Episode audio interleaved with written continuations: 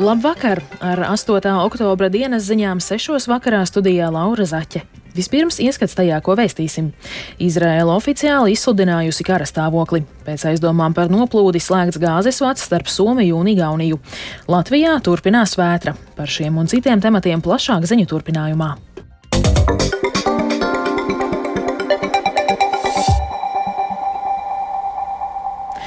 Izrēlā oficiāli ir izsludināts karastāvoklis un valsts gatavojas militārajai operācijai Gāzes joslā, lai atrieptos par vakar notikušo teroristiskā grupējuma Hamas asiņaino ofensīvu Izraēlas teritorijā. Iebrukumā, kas pārsteidza nesagatavotus Izraēlas izlūkdienestus un drošības spēkus, nogalināti vairāk nekā 600 izrēlieši, bet vairāk nekā 2000 ir ievainoti. Tikmēr Izraēlas aviācijas triecienos Gāzes joslā nogalināti vairāk nekā 300 cilvēku. Vairāk stāsta Uldis Čēzberis.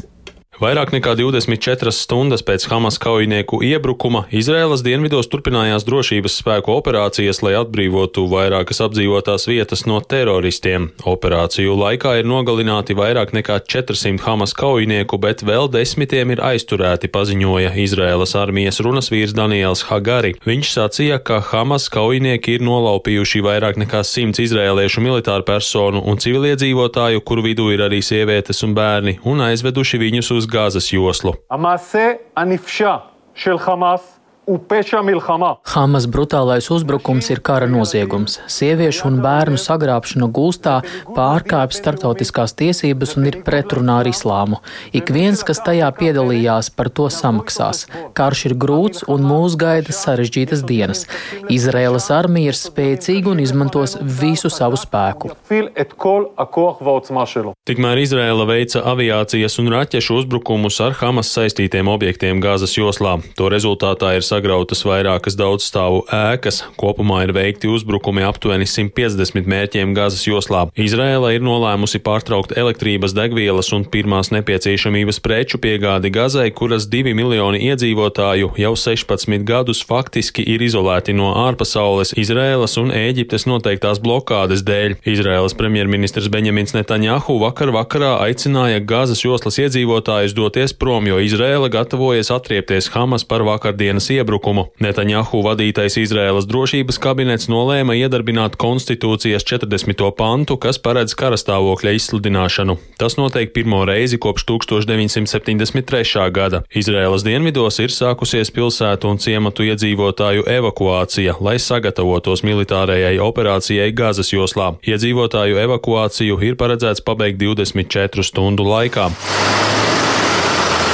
Par gatavošanos uzbrukumam liecināja arī tas, ka Izraēlas armijas tanki šodien devās Gazas joslas robežas virzienā. Amerikāņu militārais eksperts Roberts Grīnvejs sagaida, ka Izraēla veiks rūpīgi sagatavotu militāro operāciju Gazas joslā, lai iznīcinātu Hamas.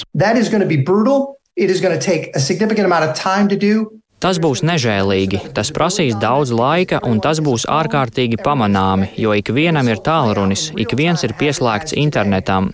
Un tieši tad patiešām tiks pārbaudīta ASV un Izraēlas partneru apņēmība. Un mums visiem ir jāatbalsta Izraēla, lai tā spētu īstenot šo uzdevumu. Būtisks ir jautājums, vai to var ierobežot tikai Gazas teritorijā. Problēma ir tāda, ka Hezbollah un Libānai varētu būt kārdinājums uzsākt savu operāciju pret Izraēlu. Attempted to initiate operations. Libānā bāzētais džihādistu grupējums Hezbollah šorīt ar granātmetējiem apšaudīja Izraēlas ziemeļus. Irānas atbalstītais grupējums paziņoja, ka šādi tas pauž atbalstu vakar notikušajām Hamas iebrukumam Izrēlā. Uldis Česberis, Latvijas radio. Slēgts Somiju un Igauniju savienojošais zemūdens gāzes vats, jo tajā konstatēts neierasts spiediena kritums, ko varētu būt izraisījusi gāzes noplūde. Tā vēsta Somijas gāzes sistēma operators Gasgrid un Igaunijas operators Elering. Cauruļvats šobrīd ir izolēts, lai novērstu turpmāku gāzes noplūdi. Pagaidām nav zināms spiediena krituma cēlonis, bet gāzes piegādes ir stabilas, tā norāda uzņēmumi. Ukrainā 592. dienu turpinās Krievijas izvērstais pilnā apmēra karš. Vismaz desmit cilvēki, tostarp deviņus mēnešus vecs zīdainis, ievainoti Krievijas artilērijas uzbrukumā Hersonas pilsētai. Savukārt Krievijas raķešu uzbrukumā Donetskas apgabala Kostjantiņīvkas pilsētai ievainojumus guvuši četri cilvēki, arī deviņgadīgs bērns. Turpina Uldis Ķezberis. Lielbritānijas militārie izlūkdienesti savā jaunākajā ziņojumā par situāciju frontē raksta, ka kopš pretuzbrukuma operācijas sākuma jūnijā Ukrainas bruņotajiem spēkiem ir izdevies atbrīvot aptuveni 125 km2 lielu teritoriju Donetskas apgabalā. Savukārt ASV Domnīca strateģisko un starptautisko pētījumu centrs ir publicējusi satelīta attēlus, kuros var redzēt, ka uz Krievijas un Ziemeļkorejas robežas ir ievērojami palielinājusies dzelzceļa satiksme, un viss liecina, ka Krievijas pusē tiek būvētas noliktavas robežas. Ļoti iespējams, ka šīs aktivitātes nozīmē to, ka Ziemeļkoreja ir sākusi piegādāt Krievijai solītos ieročus, ko tā varēs izmantot karā Ukrainā. Zemestrīcē Afganistānā gājuši bojā vairāk nekā 2000 cilvēku, tā paziņoja Talibu režīms. Afganistānas rietumos netālu no Herātas pilsētas vakar notika 6,3 magnitūdas spēcīga zemestrīce, kurai sekoja vairāki spēcīgi pēcgrūdieni. Herātas provincē zemestrīce sagrāvusi vismaz sešus ciematus un simtiem cilvēku ir aprakti zem drupām.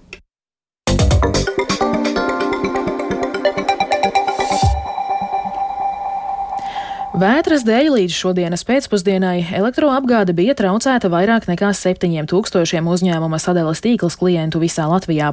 Tā vēsta uzņēmums. Sadales tīkls turpina strādāt, lai elektroapgādi atjaunotu iespējami drīz, tomēr ir grūti piekļūstamas vietas, kur tas aizņem ilgāku laiku. Valsts ugunsdzēsības un glābšanas dienests līdz šim saņēmis 335 izsaukumus, kas saistīti ar vētras radītiem postījumiem. Lielākajā daļā gadījumu nepieciešams no nolūzušiem kokiem un to zariem atbrīvot ceļus un ietves. 30 gadījumos nolūzuši koki nokrituši uz vieglajām automašīnām. Vēl šovakar lielākajā daļā Latvijas saglabāsies spēcīgs brāzmains vējš. Valsts ugunsdzēsības un glābšanas dienests aicina iedzīvotājus būt uzmanīgiem. Prognozēts, ka rītdien vētra varētu virzīties uz Latgales pusi.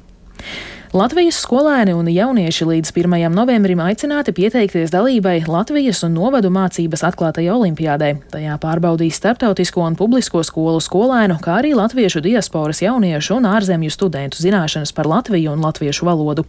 Vairāk stāsta Paula Dēvica.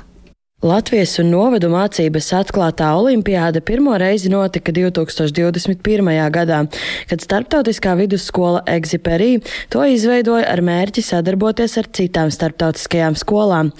Šāda tipa izglītības iestādēs mācās skolēni no citām pasaules valstīm, un viņiem obligāti jāapgūst arī Latvijas un novadu mācību.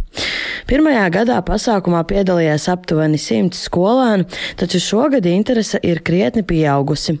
Piedalīties aicināti arī publisko skolu skolēni, latviešu diasporas jaunieši un ārzemju studenti, kuri mācās latviešu valodu un Latvijas kultūras kursus. Tā skaidro atklātās olimpiādas vadītājs Edgars Bērziņš.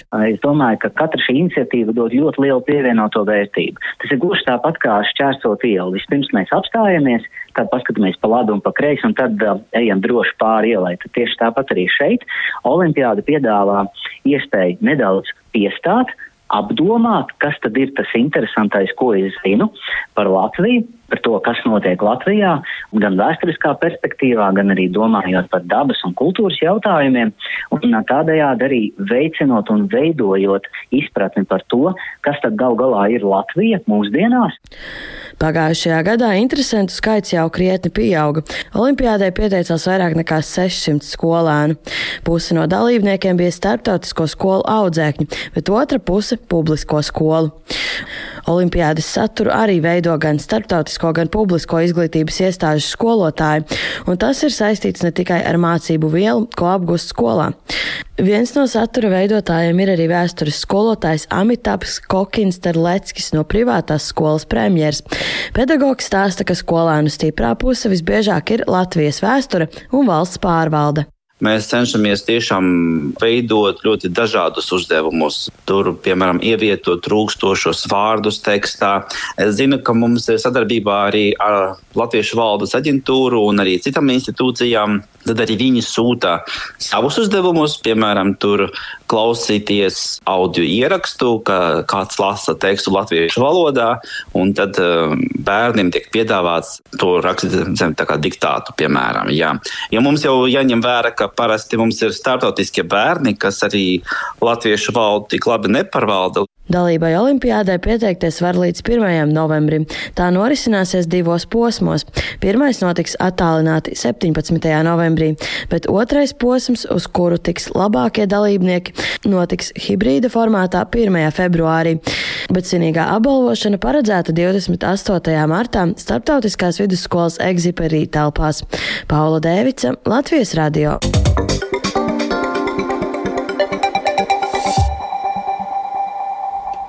Un vēl par sportu. Latvijas pilots Mārtiņš Sasks un stūrmanis Renārs Francis šodien Eiropas rallija čempionātā ieguvuši otro vietu. Bet Latvijas futbola virslīgā pirmo uzvaru pēc teju pusgada pauzes šodien izcīnījusi Salaspils Supernova, kas izbraukumā ar viens pret nulli pārspēja metas komandu. Izaicinājums futbolistiem visas spēles garumā bija arī nepatīkamie laikapstākļi. Par spēli plašāk stāsta Reinis Grunspēņķis. Spēcīgo vēju Rīgas Hanzas vidusskolas laukumā šodien papildināja arī lietus un īslaicīga krusa. Spēle bija ļoti svarīga tieši metai, kas virslīgas tabulā šobrīd atrodas 9. vietā, un lai vairotu savas izredzes izvairīties no kārtējām pārspēlēm par palikšanu augstākajā līgā, šodien tai bija ļoti svarīgi tikt pie punktiem. Lai gan metieši jau pirmajā minūtē raidīja bumbu vārtos, tiesnesis fiksēja aizmuguri. Vienīgos ieskaitītos vārtus uz spēles 16. minūtē pēc brīvsitiena no bīstamas pozīcijas guva supernovas rezultatīvākais uzbrucējs Jevgenijs Miņins.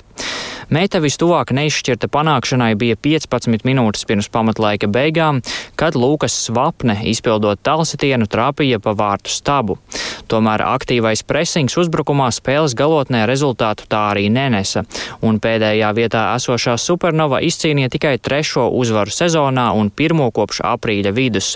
Par laikapstākļu ietekmēto spēli vairāk stāsta viens no metas līderiem Lūkas Svapne. Sākumā bija bijis viņa trakāk, varbūt. Kad sākās tā krusa, tad bija grūti vispār redzēt, kur skriet. Bet uh, viņiem jau tas pats bija palielam. Un, uh, viņiem bija tāds viens moments, un viņi to izmantoja. Mēs neko neizveidojām. Nu, izveidot, izveidojām varbūt kaut ko, bet palielam arī Vācijas īsti neglāba neko. Jā, gandrīz visos stadionos tā ir, bet varbūt šeit ir bijis viņa izteiktāk, jo nav māja baigta apkārt. Un, uh, jā, šeit arī tur no dažādām pusēm viņš pūš, tāpēc grūti kaut ko paredzēt. Šobrīd meta no 8. vietā esošās Daugopils atpaliek par trim punktiem, un līdz sezonas beigām atlikušas četras spēles. Tiesa, trīs no tām ir pret turnīra vadošajām komandām Valmieru, Rigu un RFS, un vienāda punktu skaita gadījumā Daugopiliešiem būs priekšroka labākus savstarpējo spēļu rezultātu dēļ. Sezonas sākums metai gan bija daudzsološāks, vienu brīdi atrodoties pat 4. vietā.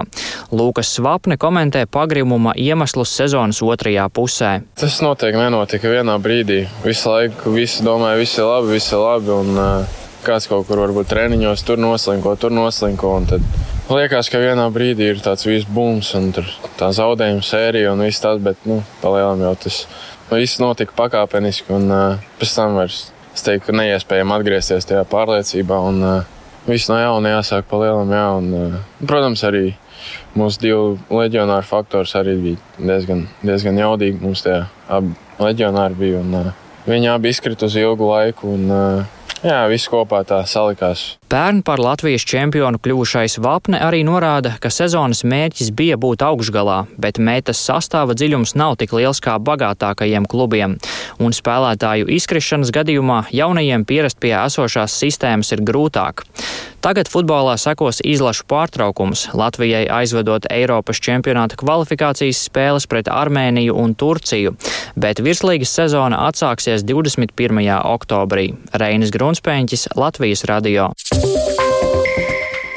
Ar to izskan 8. oktobra dienas ziņas. Producents Viktors Pupiks ierakstus montēja Uldis Grīnbergs, pieskaņu pults Ernests Valds Fjodorovs, bet studijā Laura Zaķe. Vēl tikai par laikapstākļiem. Rīgā šobrīd ir 9 grādi un pūš ziemeļu vējš 11 m2, brāzmās 15 m2. Atmosfēras spiediens 760 mm, bet relatīvais gaisa mitrums ir 49%. Naktī galvenokārt centrālajos rajonos pa laikam līs, iespējams arī slāpišs sniegs. Pūtīs ziemeļrietumu ziemeļu vējš ar ātrumu līdz 11 m2, brāzmās 15-19 m2, līča piekrastē līdz 20 m2. Gaisa temperatūra naktī 0,5 grādi piekrastē 5-10 grādi. Austrumos zāles virskārtā salna - mīnus 2,0 grādi. Rīt būs pārsvarā mākoņains un daudz viet pa laikam līs. Pūtīs brāzmains rietumu ziemeļrietumu vējš. Gaisa temperatūra dienām 5-10 grādi, jūras piekrastē līdz 11 grādiem, bet laika prognoze būs otrā.